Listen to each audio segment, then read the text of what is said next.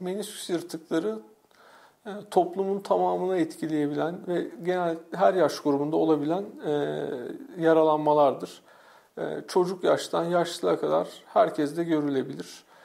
Yaş gruplarına göre semptomları, verdiği hasta yaptığı şikayetler de değişiyor. E, genç yaşlarda daha çok travma sonrası ortaya çıkan menisküs yırtıkları yaş ilerledikçe dejenerasyon dediğimiz yaşlanmaya, diz ekleminin yıpranmasına bağlı oluşuyor. Hastalarda genellikle dizde ağrı, e, takılma, kilitlenme, e, belli bir açıdan sonra dizimi açamıyorum ya da kapatamıyorum gibi şikayetlerle oluyor. E, ilk olduğu dönemde özellikle travmayla oluştuysa diz ekleminde şişlik ve e, ciddi bir ağrı yapabiliyor.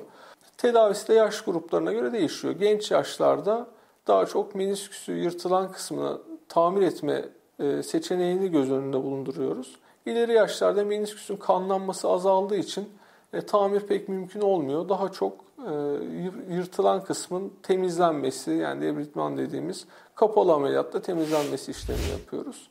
E, hastalar bu ameliyattan sonra e, hızlı bir şekilde günlük yaşamlarına dönebiliyorlar.